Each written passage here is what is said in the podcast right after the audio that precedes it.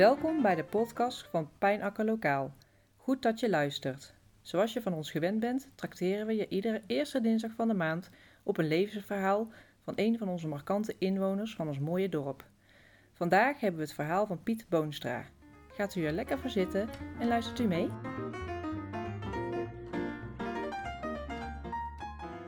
Ja, waar zal ik eens beginnen? Misschien gewoon eens bij mijn naam. Ik ben Piet Boomstra, ben op dit moment 82 jaar oud en ik woon al heel mijn leven in Pijnakker. Ik ben ondertussen al een paar jaar gepensioneerd en geniet samen met mijn vrouw Ria iedere dag van het leven.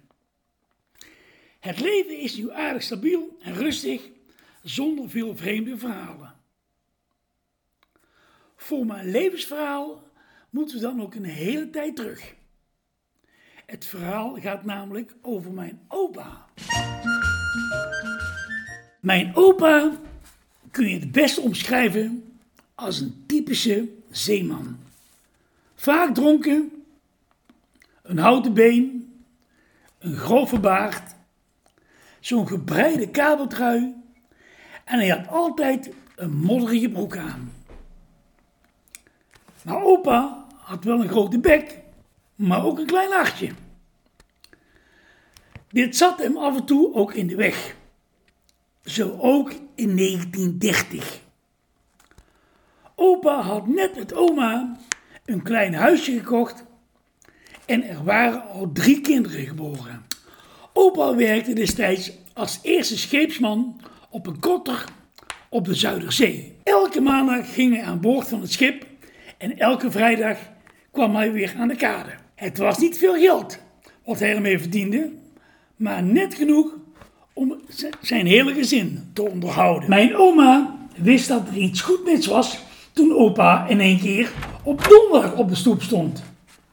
Dit gebeurde nooit. Op vrijdag keerde de korte pas altijd terug. Eenmaal aan tafel vertelde mijn opa haar dat hij op staande voet was ontslagen. Tijdens een hevige storm op woensdagnacht heeft opa een woordenwisseling met de kapitein van het schip gehad.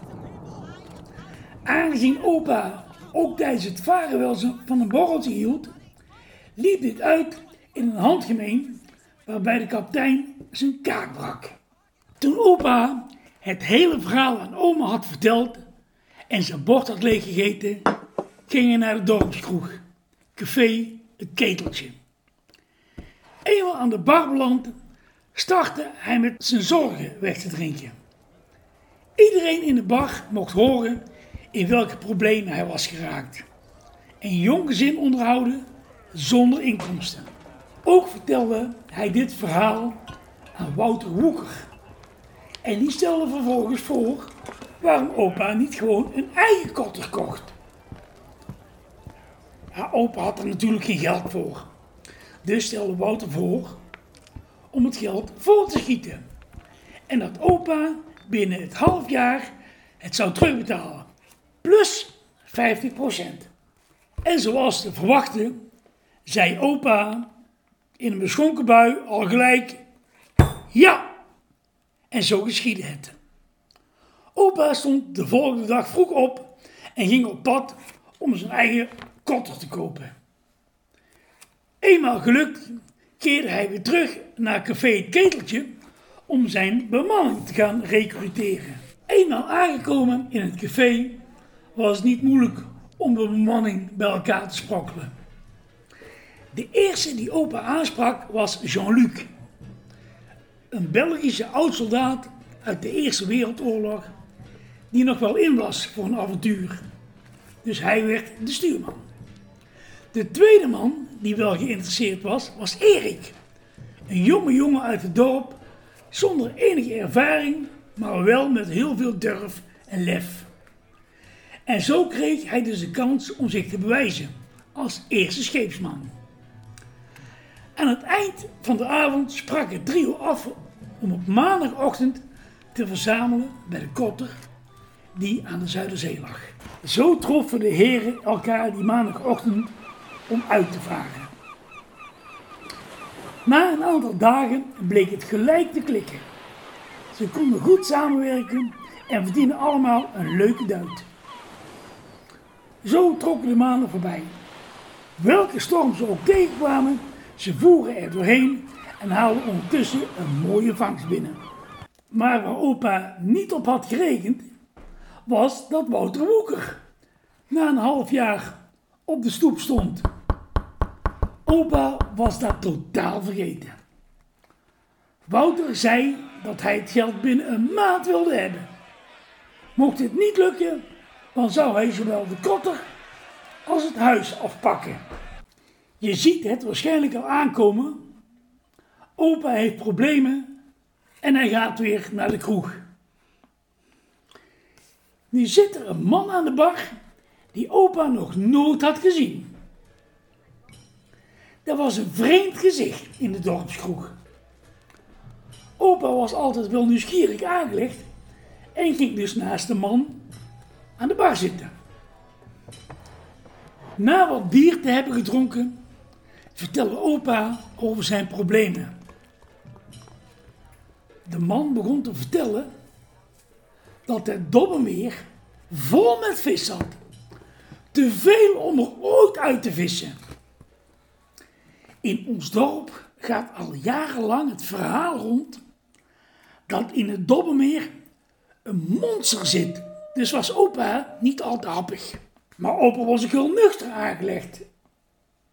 Spoken, hekserij en heel het geloof. Als opa het niet kon zien, dan was het er ook niet. Na lang wikken en wegen besprak opa het idee om op het Dobbermeer te gaan vissen op zondag met oma.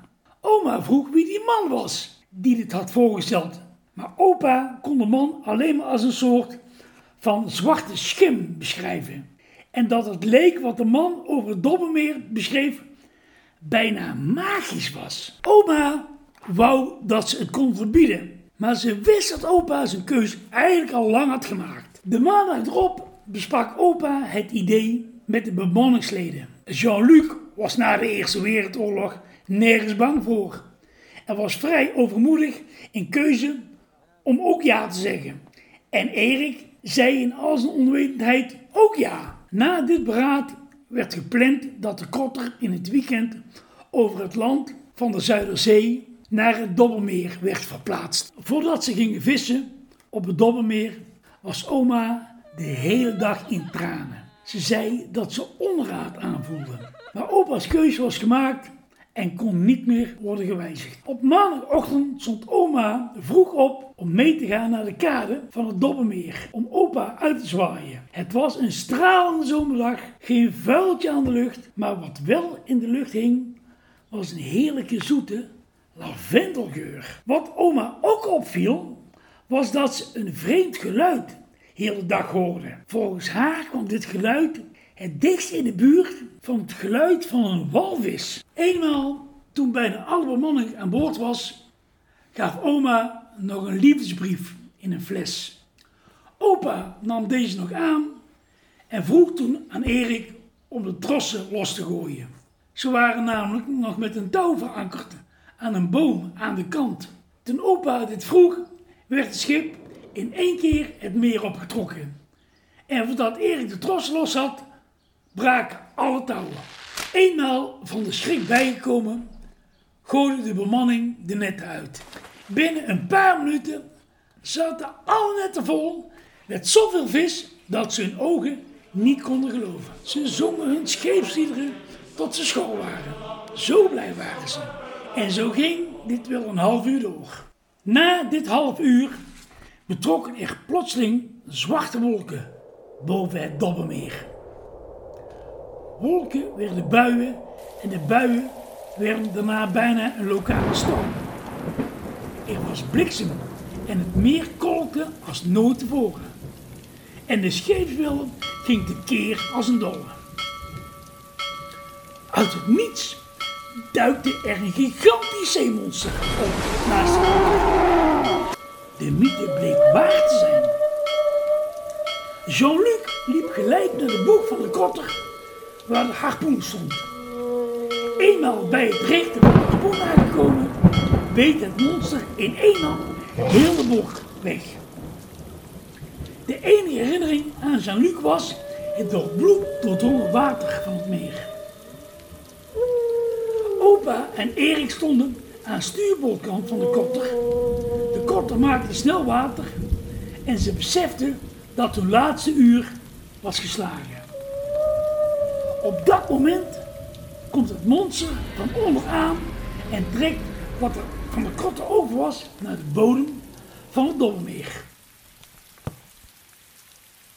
Oma heeft dit hele tafereel moeten aanzien en heeft daarna dag en nacht huilend aan het meer gezeten. U kunt het verhaal als zagen of mythe afdoen, maar dit is deels een waarschuwing. Ruikt u lavendellucht? Hoort u walvisachtige geluiden of de scheepsbel? Blijft u dan uit de buurt van dit vervloekte meer.